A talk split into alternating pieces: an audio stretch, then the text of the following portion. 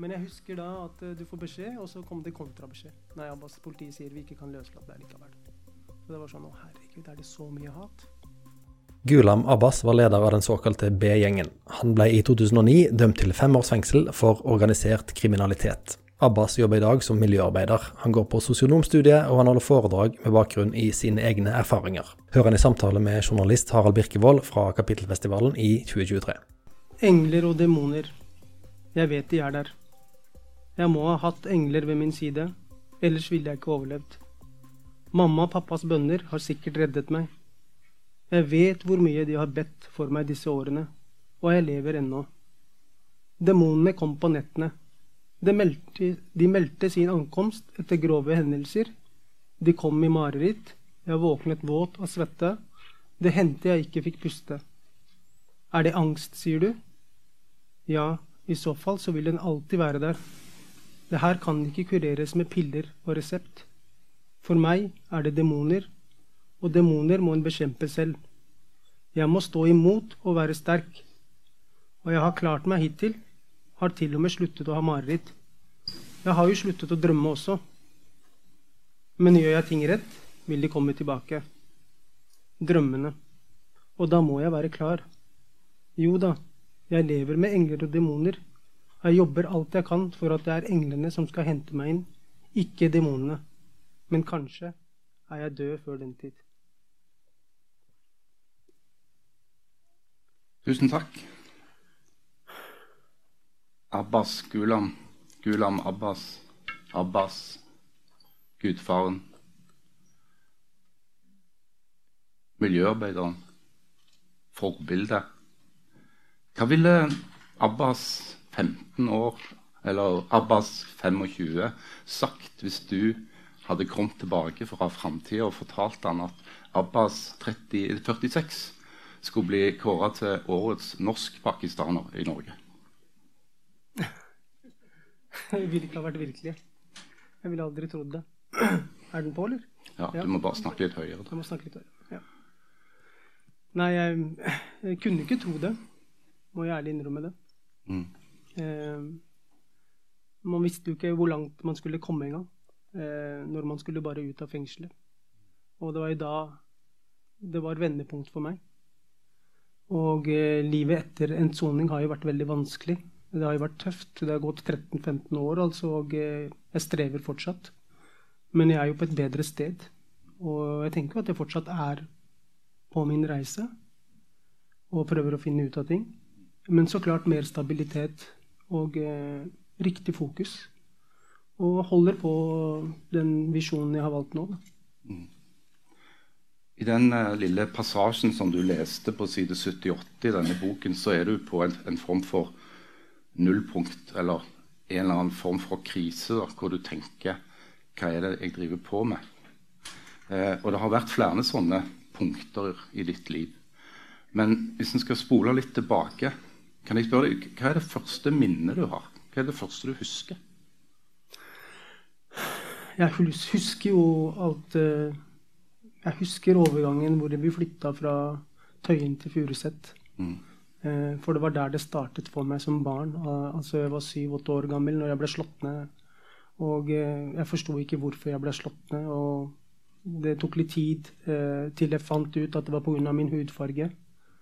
Eh, så klart, jeg husker den tingen. Og grunnen til at jeg husker den veldig godt, er jo for at jeg holdt også den følelsen for meg sjøl. For jeg hadde ikke noen å dele den med.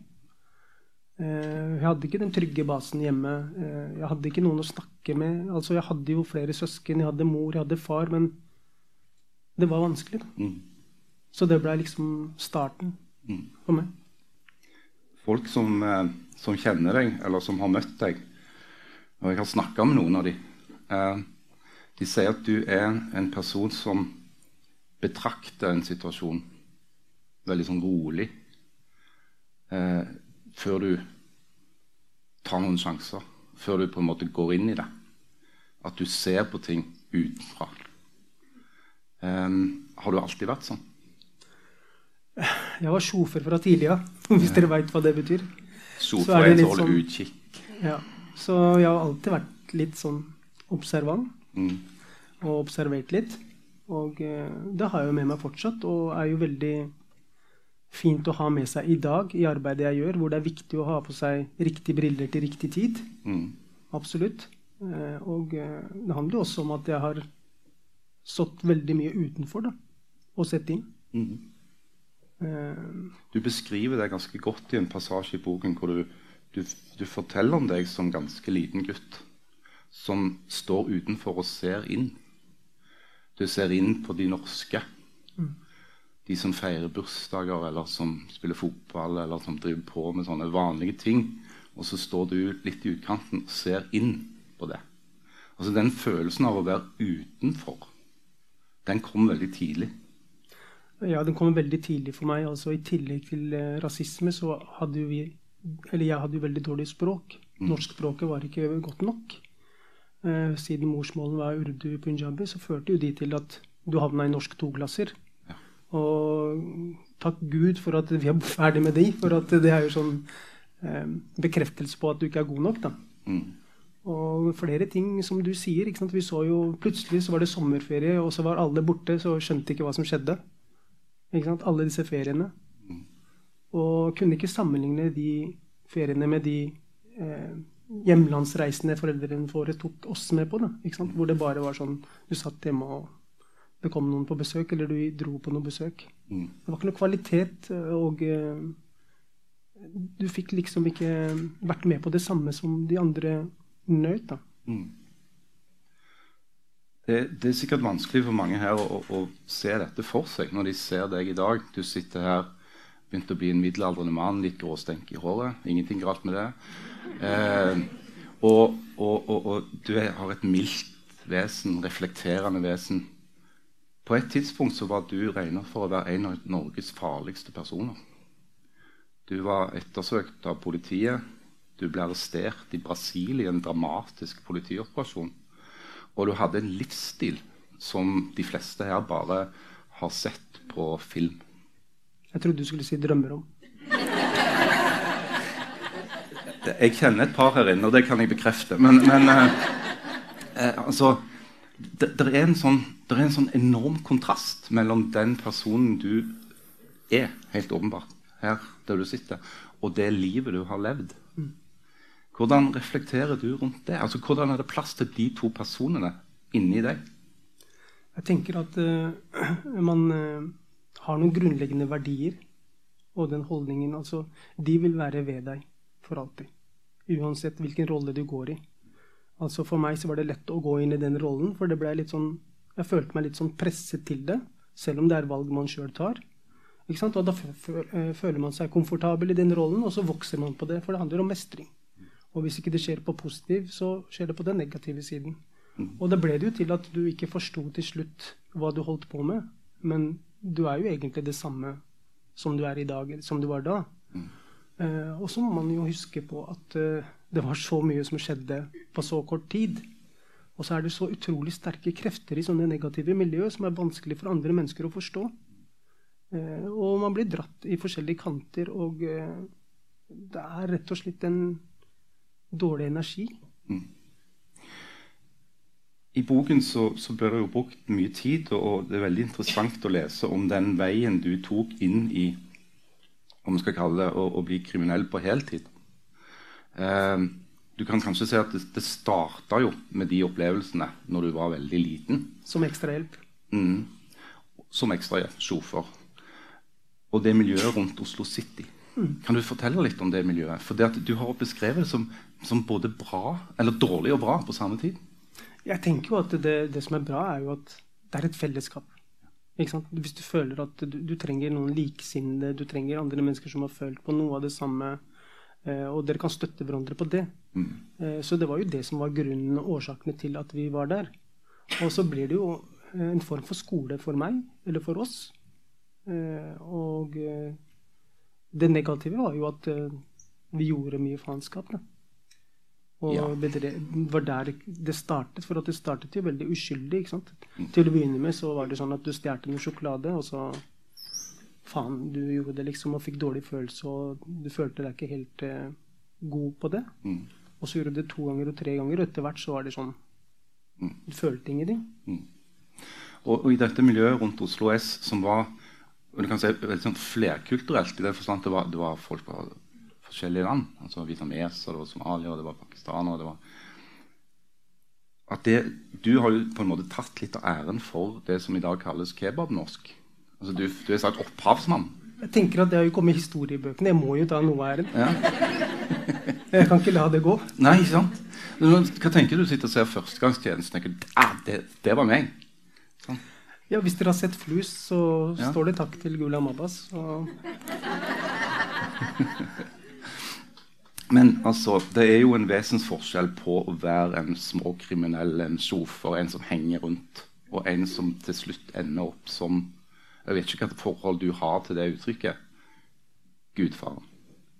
Altså, hva, hva, hvor, tid, altså, hvor gammel var du når, når du på en måte tenkte at dette er jeg flink til, dette kan jeg faktisk, her kan jeg komme meg til topps? jeg følte alltid at jeg var veldig god med mennesker, hvis jeg skal være ærlig på det. Mhm. Og jeg føler også at jeg vokste i eh, og klarte å bygge det imperiet jeg klarte å gjøre pga. den relasjonskompetansen jeg besatt. Pga. at jeg var god til å møte andre mennesker, hadde respekt for andre mennesker. Alltid vært veldig jordnær. Altså, eh, så klart er det veldig mye frykt i negative miljø. Men at eh, det var liksom ikke sånn veldig min greie. Og jeg er jo ikke, du ser, det er ikke så veldig mye muskler og stor og sterk. Og, så det var eh, det jeg vokste på, og det jeg benyttet meg av for å bygge kontakter. Da. Jeg Og, tok deg på armen i stad. Han er ikke helt slapp, altså. Nei, den er ikke så slapp, men det er jo ikke mye å hente her, for å si det sånn. Det er, vi var små når vi skulle slåss mot de rasistene, for å si det sånn. Ja. De hadde bolebukser og sånne tette Du ble redd når du så dem. Ja. Men det der med å være en god relasjonsbygger og det å kunne klare å inngå avtaler og, men, altså, Det står jo i boka. så altså, Du har satt og forhandla kontrakter med colombianere, irakere, om innførsel av enorme kvanta med narkotika. Eh, en gang var det snakk om et tonn. Det sa du nei til. Altså med kokain, ikke eh, marihuana. Kokain. Det er mye kokain. Altså, når du, sitter, når du er i en sånn situasjon Du sitter der, og dette handler om disse folka. De er farlige folk. Du var kanskje òg en farlig mann. Hvordan klarer du å ikke bli nervevrak? Jeg sier det. Jeg var kanskje Jeg tenker at man begynner å skjule. Mm. Jeg tenker at uh, Jeg husker første, gang, første gangen uh, min venn ble skutt og drept rett ved siden av meg. Mm. Jeg hadde det helt jævlig. Jeg var redd, jeg var nervøs. Jeg visste ikke hva jeg skulle gjøre av meg. Jeg turte ikke å gå hjem, Mm. eh, for jeg var redd for å få kjeft hjemme. Jeg følte jeg hadde en skyldfølelse. Så det var jo veldig mye jeg måtte bære på. Så jeg måtte lære meg å holde de følelsene i sjakk. Skulle ikke vise følelser. Så det ble en del av meg. da. Mm. Og så er det jo det at når du vokser på ting og blir større, så tror du virkelig på at du har blitt så stor òg, men vi kan ikke sammenligne oss med colombianere, hvis du skjønner hva jeg mener. De er gærne. Det, vi, er ikke, vi er ikke der, men så er det jo, så er det, jo det mediebildet, ikke sant? Eh, som alltid er veldig negativt, som var med på å eh, eh, få det til å se enda verre ut. Altså, det var ille, tro meg riktig. Men hvis eh, colombianerne skulle ha lest mediene, da, så hadde de tenkt hei, de er gærne. Mm, ikke sant. Og Vi skal komme litt eh, tilbake til det med mediene og sånn i forbindelse med en eh, begivenhet i eh, 2007. Eh, men, men før det um, For å spole litt tilbake altså Det stedet du kommer fra eller Dere flytta jo til Furuset. da. Men Furuset var det stedet du vokste opp, og, og det var der den gjengen, om du skal kalle det det, som du etter hvert ble leder for, var, hadde sitt liksom, arnested. Eh, hva slags sted var Furuset når du var, var guttunge? Nei, Furuset var jo veldig lite sted. Eh, altså utenom at eh, Reitan og Trygve Lie, som var eh, FN-ambassadør, som er fra Furuset, så tror jeg ikke det er mange som veit hvor Furuset er på kartet i det hele tatt. Forbinder det bare med hockey? Ja, for det er Furuset hockey, ikke sant? Og ellers så har du Furuset fotball, men det er jo ikke i nærheten. Ellers så har du Furuset tennis i dag, som er på vei til å bli stor, hvor det er noen ja, jenter som er veldig flinke og gode. Dette er en trener i Furuset fotball. Ja, eh, ja, eller jeg har jo verv i Furuset fotball nå. Jeg har jo lagt opp fotballkarrieren. Det ble for mye. Men jeg tenker at uh, Furuset er jo egentlig helt likt som alle andre steder som var i, i lokalområdene uh, rundt. Lindeberg, Ellingsvåg, alle var jo helt like. Mm. Uh, men av at uh, Med meg og oss, da, og alt vi holdt på med, ikke sant? Mm. så ble det jo til at Furuset fikk et mye større navn enn det det egentlig kunne ha vært. Da. Så veldig mye negativ omtale og uh, Så noe av det må jeg ta skylden for, rett og slett. Og det er jo også en av grunnene til at jeg fortsatt bor på Furuset. Altså når jeg vokste vokste opp på Furuset, så var jo vi en minoritet. Og i dag så er vi en majoritet. ikke sant? Det bor nesten ikke noe etnisk hvite der lenger. Mm. Og jeg føler jo litt ansvar for at jeg må gi noe tilbake der. Mm. Selv om jeg syns det er veldig tøft, for jeg har egne barn som går der, og jeg ikke alltid er eh, fornøyd med systemene og strukturen og eh, skulle ønske at ting var annerledes. For at hvis alle ressurspersoner flytter ut, så blir det jo til slutt en getto. Du har ikke lyst til å bli en av de gutta som flytter til Nordstrand? liksom? Nei, jeg har jo én bror som har flytta til Nordstrand. det er derfor jeg sa det. Så, og han Ja, ikke sant. Han, han er kul. Og jeg veit ikke om jeg vil være Jeg har lyst til å gi barna mine egentlig begge deler, hvis du skjønner hva jeg mener. Mm. Jeg vil ikke Jeg har ikke lyst til å ta det steget, men jeg må ærlig innrømme at jeg noen ganger tenker at kanskje jeg må gjøre det. Og det er litt synd. Du har sagt en ting om det som er litt interessant. Du har sagt at boligprisene i Oslo øst bør opp. Ja, det tenker jeg. Forklar. Nei, jeg tenker at alt handler om boligpolitikken. Jeg tenker at Det handler om at de store leilighetene blir bygd der hvor det er mest tett bebodd, sånn at alle store familier flytter dit. De fleste av dem er navere.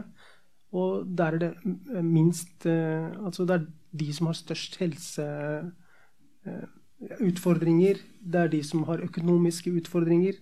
Det handler om levekår. da. Og så har du på den andre siden hvor det er store boliger. Og, eh, og så tror man at siden utfordringene bare er synlige på østkanten, så skjer det ikke noe på vestkanten. Men det skjer jo like mye der. Det er bare det at der skjer det i kjellerleiligheten eller i hybelen under boligen. Mens her så har ikke de steder å være, så da er det veldig synlig. Det var jo på vestkanten at dine kunder bodde i stor grad. Eh, ja, jeg veit ikke om jeg skal svare på det, men de var vel litt overalt. Ja. Um, altså Du sier at uh, altså det å bygge seg opp fra å være en småkriminell og en som er på en måte en medhjelper til å bli en lederskikkelse. Det er jo ikke noe som skjer over natten. Og du har beskrevet en situasjon hvor du du setter deg i situasjoner hvor det er mer og mer stress, det er mer og mer press. Eh, du har ansvar for større og større beløp og større og større mengder med varer. Og du skal administrere en masse folk som er over deg og ved siden av deg, og som du skal forholde deg til. I tillegg til at det du driver på med, er kriminelt. Eh, så du må altså òg håndtere at du er ettersøkt eller blir mer og mer interessant for eh, politiet. Da kan det jo kanskje være greit å være litt rusa mens du driver på med alt dette. Eh, når skjønte du at du rusa deg for mye? Altså, man, Til å begynne med så benekter man. Mm. Eh, og for meg så startet det etter den skyteepisoden hvor jeg mista min venn. Jeg begynte å ruse meg mye. Eh, for på den måten så kunne jeg flykte litt. Kunne, det ble min medisin. Eh, og eh, du utsatte ting, og eh, etter hvert så ble det mer og mer for at det var behagelig følelse. Mm. Eh, for du kunne slippe å kjenne på de vonde følelsene. Da. Og noen ganger så var det noen som sa til deg av de gode vennene, da, altså de som ikke drev med kriminalitet, de få, at uh, man måtte slutte, eller nå har det gått for langt, eller for de så at du ikke hadde det bra. Og man ville ikke innrømme det. Men etter hvert så forsto man hei, nå er man langt ute og kjører. Du beskriver en episode som er nesten sånn absurd med tanke på hvem du var i det kriminelle miljøet på den tiden. Mm. Men du ble jo altså du ble gifta deg i et arrangert ekteskap. Mm med jente fra Pakistan. Det funka ikke. Du steg i gradene i det kriminelle hierarkiet. Du hadde mye cash.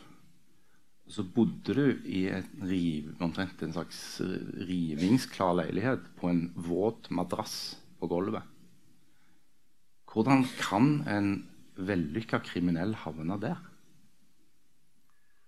Jeg tenker jo det er alt det psykiske stresset man går rundt med.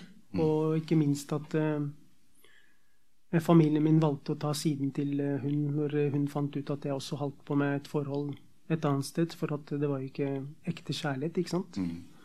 Og da valgte de jo Og jeg tenker det er riktig at de tok hennes valg, for hun var helt alene her. Mm. Eh, Men at eh, da måtte jeg velge at eh, Jeg måtte velge da hvordan jeg skulle vise meg svak, og jeg måtte ta noen valg. Jeg måtte finne ut om jeg skulle slutte eller fortsette med den, for at den var på vei til å gjøre meg enda mer sykere. For jeg utsatte ting hele tiden. Jeg Ønsket ikke å føle på de smertene. ikke sant? Så fortsatte å streve. Fortsatt med å Og det ble mye. Mm. Men den natta husker jeg var veldig ja, Da måtte jeg, da måtte jeg inn i meg sjøl. Mm. Uh, Og Da- hva, hva sa du til deg sjøl da? nei, jeg hadde mye sånne tankeprosesser, og jeg tenkte jo at jeg måtte slutte og jeg måtte begynne å gi meg på en eller annen måte. Mm. Og jeg husker ikke om jeg slutta rett før eller rett etter, men det er i hvert fall i den perioden hvor jeg tok den, det valget, og det var veldig vanskelig. Eh, For man hadde forsøkt å slutte flere ganger. Men det var ikke så lett som man tror det er. Eh, Så jeg er veldig glad for at jeg har klart å gjøre det. Men eh, businessen fortsatte, da. Det gjorde han til, de- grader. Ja. Um, på slutten av 1990-tallet og kanskje helt fram til 2007 så raste de såkalte gjengkrigene i Oslo. Ja. Eh, mellom eh, noe som ble kalt A-gjengen, eller Young Boys. Ja, det var Youngens, og så Ja, Young var det A-gjengen og B-gjengen. Altså, Youngens var jo de vi søkte hjelp hos når vi hadde problemer med rasisme. Mm. For de var eldre enn oss, og eh, ja. Men, men eh, ingen i B-gjengen gikk rundt og kalte seg sjøl for B-gjengen? Var det det? Det var media som kalte oss for B-gjengen, for de hadde sett mye De tenkte at vi var, vi var like som disse tegneserien, den, de som alltid havner bak lås. Du ligner ikke så veldig på Nei, vi ligna ikke, Nei. men ut ifra væremåten, da. For vi var mer der enn vi var ute. Så vi syns jo ikke at det var en kul greie. Vi tenkte nei, herregud, hvordan kan de kalle oss for det? Mm. Men fakta er jo at når du, gir, når du får den slags stempel, så vokser man dessverre i det. Mm. Og derfor er jeg også veldig eh, bevisst på at eh, når jeg er ute og snakker eller på TV, at det er viktig å ikke si gjenger. For de er som regel ikke gjeng da, men de kommer etter hvert til å bli det hvis vi kaller de det for mye. Mm. Mm. Eh, For det er enkeltindividhandlinger som regel til å begynne med. Men uansett, disse trefningene på slutten av 90- og begynnelsen av 2000-tallet helt fram til 2007 ble jo etter hvert ganske voldelige. Du ble sjøl skutt. Ja. Ehm, to steder på kroppen. Ja. Har fortsatt helseplager som følge av det. Jeg har noen nerveskader i armen, ja. Mm. Du kunne ha blitt drept. Absolutt. Eh, du ble også forsøkt drept ved en annen anledning. Ja. Eh, og du opplevde tidligere i livet at en kamerat av deg ble skutt og døde rett ved siden av deg. Det er mer vold enn de aller fleste opplever i løpet av et helt liv. selvfølgelig. I tillegg har du begått annen type vold. Du har blitt utsatt for vold, du har blitt banka opp, du har bestilt vold. Altså Det der med å, å leve liksom i og med så mye vold eh, Hvor mye har det skada deg? Jeg tror jeg er skada for alltid. Mm. Eh, og det vises på forskjellige måter. Eh, nå skal jeg bare ta et eksempel. jeg- Det er ikke det beste eksempelet, men jeg pleier å si til kona at jeg er veldig glemsk. Så sier hun ja, liksom. Du er glemsk når det er ting du velger å ikke snakke om, ja. Eller ikke vil Men det er jo mange ting. Så klart man tar skade. Altså, du har gått rundt og uh, vært i kroppen på en annen nesten, hvis du skjønner hva jeg mener. Altså, du har gått i lånte klær. Mm. Uh, Har du fått hjelp? Uh, Jeg forsøkte. Mm. Jeg gjorde noen forsøk. For jeg visste at jeg ville ha hjelp. Til å begynne med så var ikke jeg den som var veldig villig til å ta imot hjelp. Men skal du få meg til å tro. Ja. Hva sa du? Nei, det tror jeg på. Ja. ja, så det var når jeg først ville, så sto jeg jo på liste over et år. ikke sant? Eller halvannet. Og så kom jeg til en psykolog, eh, og så Jeg lover, jeg overdrev. Jeg tenkte jeg må overdrive litt for at hun må virkelig si ja til meg. Hun måtte, hun må, jeg må gå til henne. Og etter en time, etter at hun hadde hørt på meg da, i, i den timen, så sier hun til meg du, jeg må bare være ærlig med deg. Jeg, tror ikke jeg kan hjelpe deg. Og det var sånn derre Er du seriøs? Ja. Mm, Liksom, jeg, høres det ikke ut som jeg trenger hjelp, eller er det Hva er grunnen? Så bare Nei, jeg tror ikke det går an å hjelpe deg. Så det var, sa hun at du, du, hun trodde det ikke gikk an å hjelpe deg? ja, hun sa det. Hun, hun kunne ikke hjelpe meg, i hvert fall. Og det var garantert. Så det var, eh, det var litt sånn kjipt. Du var kanskje litt ut fra skalaen de pasientene uvanligvis får det. Jeg tror jeg var langt ute og kjører for hennes eh, Mm.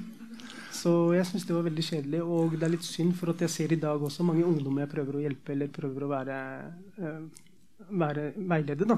Mm. Og forteller dem om at de, skal, de må søke hjelp der. De må gå til psykolog, og så går de til psykolog. Og jeg, det tar ikke én til to timer før de er ferdig der. Så Nei, for jeg fikk noen tanker om det der med soprano når han går til psykolog. han var heldig som fant de han fant. Ja, han var det. Og jeg veit ikke om jeg har sett alle episodene og hva som skjer i de rommene, men eh, uansett så er det Jeg tenker at det er, det er ting vi må bli bedre på flere steder og flere områder, tenker jeg. Mm. Og eh, for at vi utvikler oss, det skjer nye ting, og eh, da må vi tilpasse oss. Ikke sant? Ja. Og jeg tror man mange ganger i sånne profesjonelle sånne profesjoner glemmer det med relasjon. Mm. Eh, For det er viktig med en form for relasjonskompetanse. I dag så er vi så mange kulturer. Det er viktig med kulturkompetanse. Så det er mange ting som er viktig. Absolutt. 7. mai 2007 så ble du arrestert. Politiet kom. Det var en stor koordinert aksjon i Norge og Brasil. eh, For det, før dette hadde du bodd i Brasil i en periode. Em, og mens, mens du bodde i Brasil, så ringte det på døra di en dag. Mm. Og ut forbi sto det en kar som heter Kadafi. Hvem var det? Det er han journalisten fra Norge bak fasaden. Mm. Kadafi sa han sto på døra di i Brasil og ville snakke med deg. Hva, Han var tøff på den tiden. hva tenkte du da? Nei, jeg må ærlig innrømme. Jeg tenkte at uh, jeg fikk sjokk. Mm. Jeg trodde at jeg var eh, Altså, jeg møtte på Jeg møtte på tyskere fra ja, krigen derfra. Jeg møtte på folk som, var- fra mafia, italiensk, folk som hadde stikket. Altså, man trodde at man var på et sted hvor det var freda. Mm. Uh, og du visste at de hadde ikke noe utleveringsavtale, så det var jo litt sånn bevisst at man var der. Ja. Og når noen ringer på og snakker med, eh, på norsk og sier at han er journalist fra VG, VG, så får du sjokk. Ja, ja. Og jeg var sikta da for en drapssak. Mm. Så jeg var jo det var, Jeg visste jo ikke hva jeg skulle gjøre av meg. Du hadde opptil flere gode grunner til å ikke snakke med pressen. Helt riktig. Ja. Men allikevel så gjorde du det. Hvorfor? gjorde det. Hvorfor? Nei, jeg tenkte at for, først og fremst, jeg hadde jo ikke noe med den drapssaken å gjøre. Som eh, var en god grunn.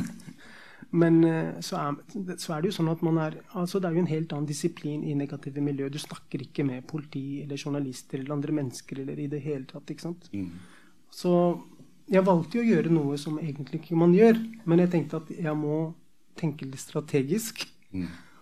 Og valgte å ba han komme på og vente på en kaffe, og jeg dro dit og snakka med han. Mm. Og Kadafi Gaddafi sjøl sier jo det at han, han var litt nervøs på den kafeen. For at før du kom, så kom det veldig mye muskler inn der. Jeg måtte jo sikre meg, da. Jeg visste jo ikke hva som var å vente der. Men, eh, og det er jo sånn når du lever på den måten, så er det jo det. Altså, Mm. Det er det du får. Det er det du får. Så drar du hjem. 7. mai 2007 blir du arrestert. Du blir sittende tre år i varetekt. Jeg ble sittende litt over tre år i varetekt. Det er og lenge, altså. til og med den dagen jeg ble løslatt eh, fra lagmannsretten, så sa, kommer først betjenten og sier Gulam Abbas, du kan pakke sammen, du skal ut. Og du kan tenke deg når du har sittet i sånn Du vet ikke hva som skjer. Mm. Saken har ikke kommet opp. Altså, du er ikke på soning engang. Ja. Nei, Medieforbudet var en kortere periode, men den var veldig tøff. Altså, Da fikk jeg ikke lov til å se på, lese gamle aviser engang. Nei, nei. Så TV og aviser, det var helt uh, ut av verden. Men jeg husker da at uh, du får beskjed, og så kom det kontrabeskjed. Nei, Abbas, politiet sier vi ikke kan løslate deg likevel. Så det var sånn Å, herregud, er det så mye hat? Så, og det var jo en stor mediesak. Det var, en stor, det var jo politikk. Eh, altså, Aker Brygge-skytingen var jo veldig alvorlig, og som er veldig forståelig.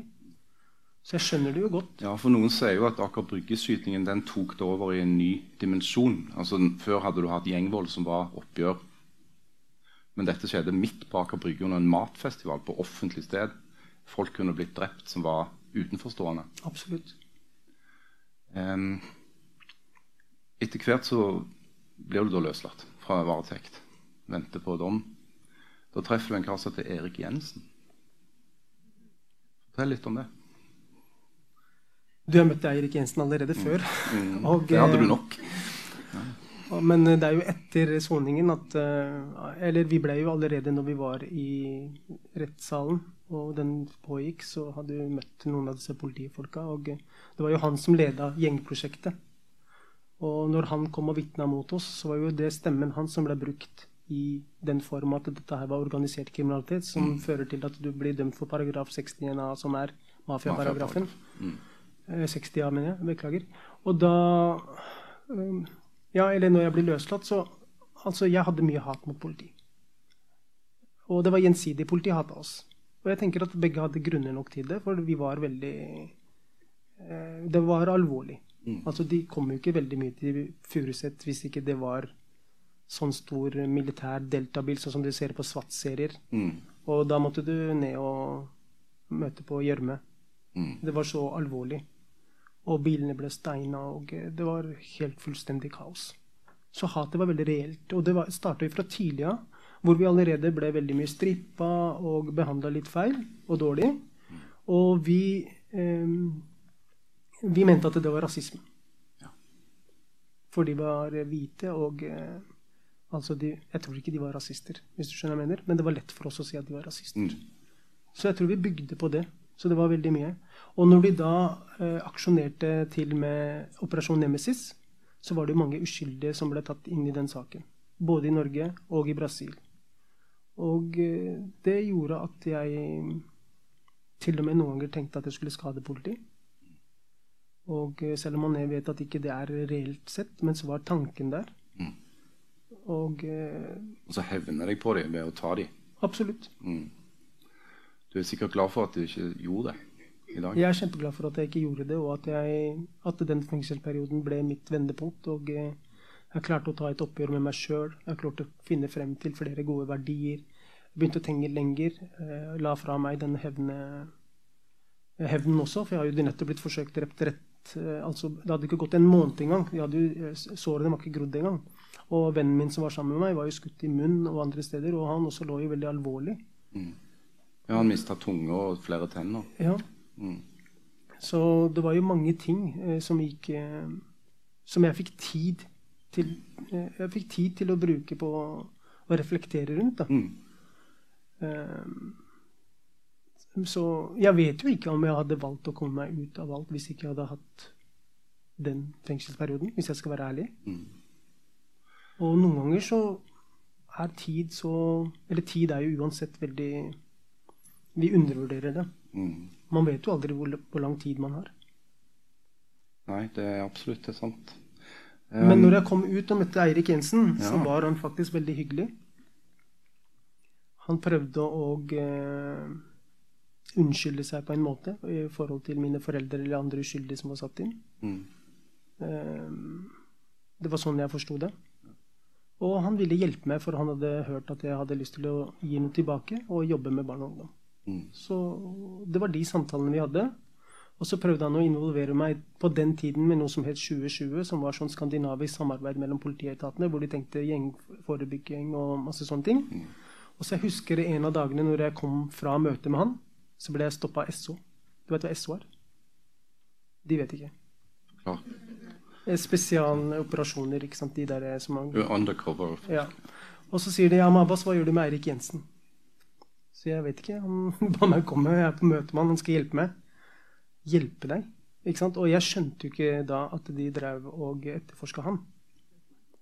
Eirik Jensen ble jo senere dømt til 21 års fengsel for å ha hjulpet til med innførsel av ganske mye Mm. dop.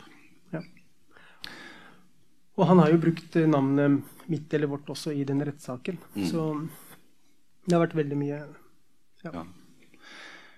Men nå, tenker jeg altså Nå har du vært gjennom denne eh, dette ekstremt uh, aktive livet som førte fram til at du til slutt havna i fengsel og satt der, sona dommen din.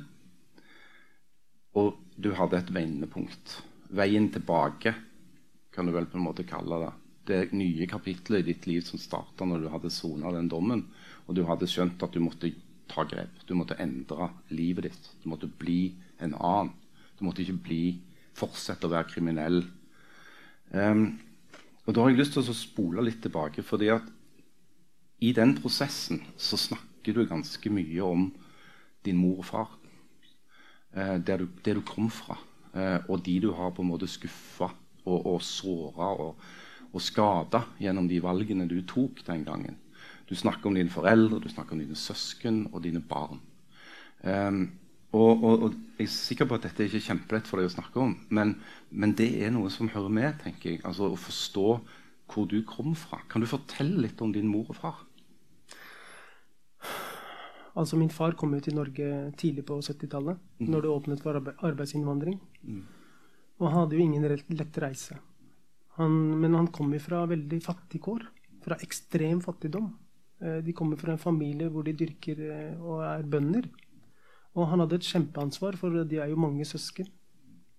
Og eh, han valgte jo å ta, dra på den reisen. da. Eh, og det tok så lang tid på den reisen, reisen at til og med arbeidsinnvandringen stoppet opp, for det tok par-tre år. Og han måtte jo stoppe, han hadde et opphold i Tyrkia, et opphold i Hellas. Han måtte ta noen jobber og så spare for å liksom klare seg dag for dag. Mm. Men fikk endelig komme til Norge med familiegjenforening etter hvert. Og hentet min mor. Ja.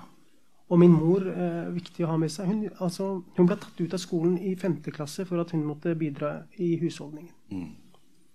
Og giftet bort når hun var 16. Og kom til eh, Norge da, rett etterpå, etter at faren min hadde kommet. Så hentet han hun. Og jeg tror ikke det gikk et år en gang eller to før hun så sin sønn bli påkjørt og drept foran øynene på henne. Din storebror. Det er en tøff start. Det er en kjempetrist start, og uh, ja. Mm. Hvordan går det med, med din mor og far nå? Altså, det tok jo mye skade etter den, uh, fengsel, det fengselsoppholdet. Pappaen min har jo fått parkinson, så han uh, sliter med det. Og mammaen min har diabetes og uh, litt sånne ting. Men hun er litt aktiv og prøver å holde seg aktiv. Men altså, hun fikk sin første lønn gjennom å bli pensjonert nå for tre-fire-fem år siden. Minstepensjonist? Ja. Hun har ikke hatt noe inntekt mm. hele sitt liv. Mm. For at min far har sagt at er, du skal ikke gå sosial så lenge jeg er her og jobber. Mm.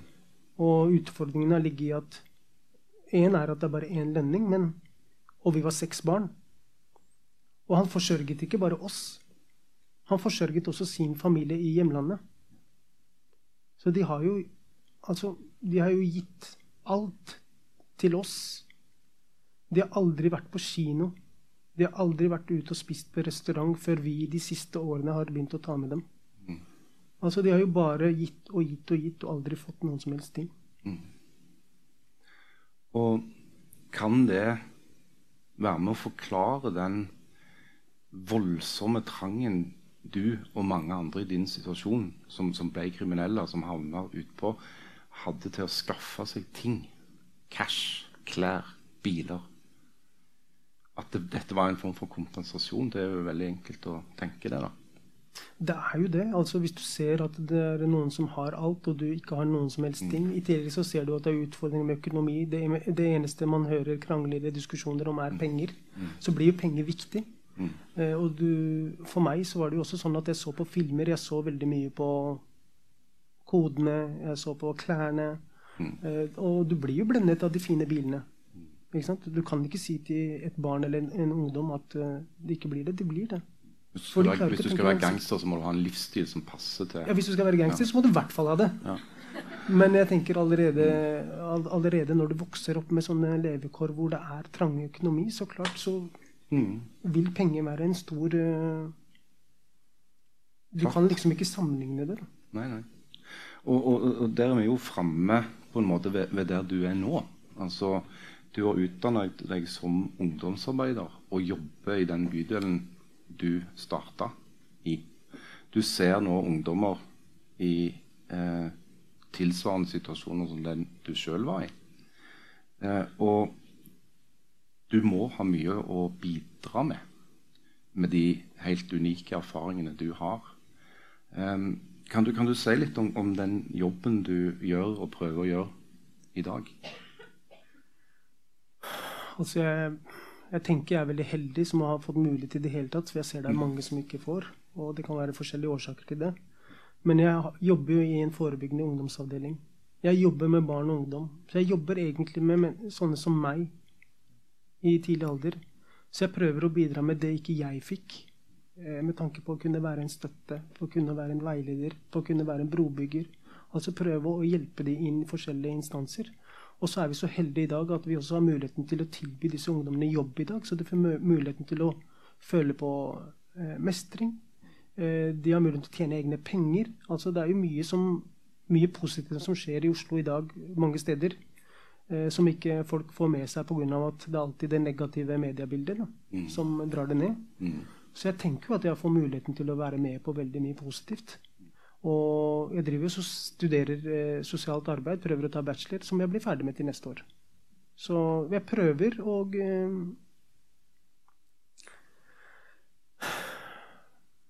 Jeg prøver å være der. Mm. Um, men en ting du sier om at eh, okay, det er nok en del av, av den historien om, om uh, problemene i Oslo, særlig i Oslo, kanskje til dels litt i andre norske storbyer, men mest i Oslo, som medieskapt. Men, men det er jo ikke bare det. Det er et reelt problem. Absolutt. Eh, vi har i det siste sett mer alvorlig vold i Oslo. Mm. Mer bruk av våpen. Um, og Sverige er jo et kapittel for seg sjøl. Um, har du noen gang tenkt at, at, eh, at, det er en fare for at du kan få det som kalles svenske tilstander i Norge? Jeg har tidligere, Når jeg har blitt spurt om det tidligere, så har jeg alltid sagt at jeg tror ikke vi kommer til å få det. For vi har, det, vi har ikke de samme forholdene i Norge som i Sverige. Mer ekstrem fattigdom i Sverige? Kanskje? Jeg tenker at både fattigdomsproblematikken, men også det hvordan de hvordan de har boligpolitikken, og hvordan de liksom har plassert alle disse menneskene med samme utfordring et sted, som jeg tenker er veldig Altså, du skaper ikke getto. Det har vi ikke i Norge. Men jeg må ærlig innrømme at i det siste nå så har jeg begynt å bli mer og mer bekymret. Ikke sant? Det er jo fordi du blir eldre. ja, det òg. Det òg. Men at du ser at det er stadig unge kriminelle. Ikke sant? Mm. Og det, det kommer jo av at det er bevisst rekruttering. Mm. Og det kommer av at de eldre bruker de bevisst og forklarer de og forteller de at de kan gjøre den og den slags kriminalitet, for de kommer til å slippe unna med det. Mm. Og det er farlig. For hvis det kommer til Norge Altså det har kommet til Norge, men for det meste bare på rusfronten. Altså hvis vi får de våpnene hit, mm. så vil det bli kjempealvorlig. Når du, når du slapp ut av fengsel og var ferdig sona eh, så var det en periode en, en fare for at du kunne bli hva det heter, pulled back in, som de sier i en viss film. Mm. Um, altså det der at du, du møter folk som, som kanskje altså Én ting er at du er blitt et forbilde for rehabilitering og integrering, men det er fortsatt folk som beundrer deg for det du gjorde før. Jeg tenker det blir bare færre og færre nå. Altså. Mm. Ja, du jobber godt med Gått ut på, ja. gått ut på dato nå, men uh, men jeg tenker jo at det vil jo alltid være noen fristelser der når man ikke har det bra. Mm. Eh, som kan være grunnen til at du blir trukket tilbake. Mm. Eller at noen Altså Jeg tror at mange Jeg tenker at mange system, vi har mange systemfeil. F.eks. når vi putter folk inn til soning, og, og, de får dom, og de skal gå til soning, så gir vi mange også f.eks. gjeld. Og de gjeldspostene tenker jeg er en form for returbillett. For at du kan ikke pålegge noen en dobbeltstraff. For det første, det er ikke lov. Men vi gjør det. Og hvordan skal du forvente at de skal betale den milliongjelden? Nå snakker du om deg sjøl. Og andre. Mm. Jeg kommer jo ikke ut av det. Altså, Jeg har klart å betale en million. Jeg har tatt opp lån. Jeg har betalt, Men jeg sliter fortsatt. Og jeg mm. tjener veldig bra, men jeg sitter bare igjen med minste livsoppholdssats. Men jeg tenker ok, greit, jeg klarer det på et vis for at jeg har det drivet, jeg har, den, liksom, jeg har satt meg noen mål. Jeg ønsker å gjøre det. Eh, men man kan liksom ikke forvente det fra alle hvis vi skal ha den slags system. Vi er nødt til å forbedre det apparatet som skal være etter en soning. da. Mm. Det tenker jeg absolutt. Når du er på jobb som, eh, som ungdomsarbeider eh, og treffer en ungdom, hender det at du tenker Hei, det der kunne vært meg. Dette er meg for så mange år siden. At du kjenner ting igjen. Absolutt. Hva pleier du å si til dem, da? Jeg, ikke, jeg, bruker ikke så veldig mye av mitt uh, utenom at uh, jeg gir dem noen råd. Mm. Uh, men etter at jeg har kommet med den boka, så har det vært viktig for meg at jeg prøver å få dem til å lese den. Mm. Og så kan vi prøve å reflektere sammen. Det syns jeg har vært nyttig. for da får de også muligheten til å starte noen egne tankeprosesser sjøl. Som jeg tenker er viktig. da. Og så klart, de fleste ungdom, barn og ungdom er jo bare opptatt av hva slags bil kjørte du av? Mm. Eh, har du kjørt Ferrari? Og hvis du går i den fella og sier ja, så ja, men har du kjørt Lamborghini da? Ikke sant? Så det går bare den veien. Så jeg velger alltid å ikke svare på de tingene. Mm. Men, eh, men noen ganger så lurer jeg dem og sier ok, greit, hvis dere lager en lesegruppe, mm. så kanskje jeg gidder kommer og svarer på noen ting en gang. Ja. Så Kan det bli litt om Ferrari og Ja, det blir ikke mye Ferrari der, for å si det sånn. Du har jo sagt at det, til å ha vært eh, voldsomt høy sånn BMW-faktor i noen avgjørende år i livet ditt, så var du aldri vært særlig interessert i bil. Nei, jeg har faktisk ikke det. Mm. Jeg tror det var mer det at uh, andre ønsket at jeg skulle ha en kul bil, så det var sånn var ikke greit. Mm. Og uh, det eneste det førte til, at jeg mista lappen et par ganger. Ja. Det kan jo skje. Um, så jeg kan ikke si at det var det lureste jeg har gjort. Nei, kanskje ikke. Um, men hvis du skal prøve å sammenfatte det, altså helt til slutt i, i, i boken uh, din, så, så, har du lista opp en del uh, råd. Altså Abbas uh, oppskrift, om man kan kalle det det. vi rekker ikke å gå gjennom alle. Men, men hvis du hadde blitt utfordra nå, si av Oslo kommune mm til, til å gi noen generelle råd om hva en bør satse mest på mm. for å forebygge, for å hindre at eh, en ny kid fra Furuset eller Homlia blir Abbas. Hva, hva bør, bør gjøres, som de sier. Jeg tenker jo at vi har riktig fokus når vi tenker forebyggende arbeid. Mm. Eh, men jeg tenker at vi starter veldig sent, så jeg tenker tidligere innsats. Jeg tenker gjerne barnehage. Jeg tenker mer eh, sosialfaglig relevans inn i barnehagene. Jeg tenker Det er viktig for at du både tar tak i forelderen og klarer å vise til riktig nettverk til forelderen, men du har også muligheten til å følge opp det barnet, for du ser hvordan de vokser opp, i hva slags levekår de har, og ikke minst språket. Språket er så viktig. De fleste med minoritetsbakgrunn klarer ikke å følge opp barna sine på samme måte. Så det er viktig å starte der.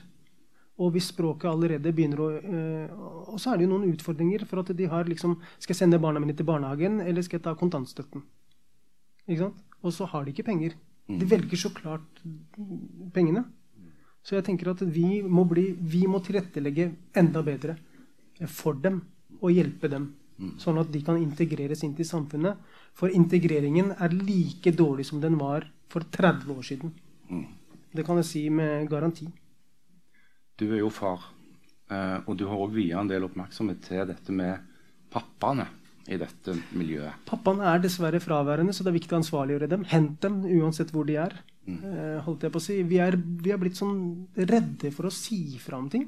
Mm. Vi tør ikke å si fra. Og det gjelder både foreldre og barna. Folk tør, tør, ikke å si noe til barna lenger heller, for at du er redd for at uh, folk kommer til å hoppe ned fra andre og tredje etasje for å si 'Hva er det du sier til mitt, mitt barn?' Mm. Men jeg tenker så lenge du sier det på en ålreit og fin måte, så burde det være helt innafor. Mm. Og det samme tenker jeg også gjelder foreldrene. For du ser at de samme stakkars foreldrene som drar hele lasset dag for dag og, gang, dag for dag og gang for gang, og det gjelder både idrett og andre tilbud og skole overalt, og de blir slitne til slutt, og de går. Mm. For de orker ikke mer. Så det er viktig å ansvarliggjøre foreldrene. Det må være lov å si fra. Vi skal ikke være redde for å si fra. Hvis du ikke du går og belærer dem, da blir det vanskelig. Jeg, jeg syns det var veldig rørende når du, du sa at uh, du skulle ønske at, at, din pappa hadde hatt tid til å se deg spille fotball en gang. liksom. Jeg syns det var så fint de gangene pappa For han var jo med for at jeg tror det, kanskje mm, det går an å misforstå om man tror at han ikke har vært der. Han har vært der noen ganger, og det var så viktig. Så jeg skulle ønske han var der enda mer. ikke sant? For det, det gjør noe med deg. Du føler at du har den riktige støtten på sidelinjen der, og det betyr så mye. Og det handler om at vi må rose hverandre, vi må heie på hverandre, vi må ha tro på hverandre. Hvis vi ikke har troa på hverandre, da, da er det, da er det skjørt. Da, da går det bare én vei. Vi må ha tro på hverandre. Absolutt.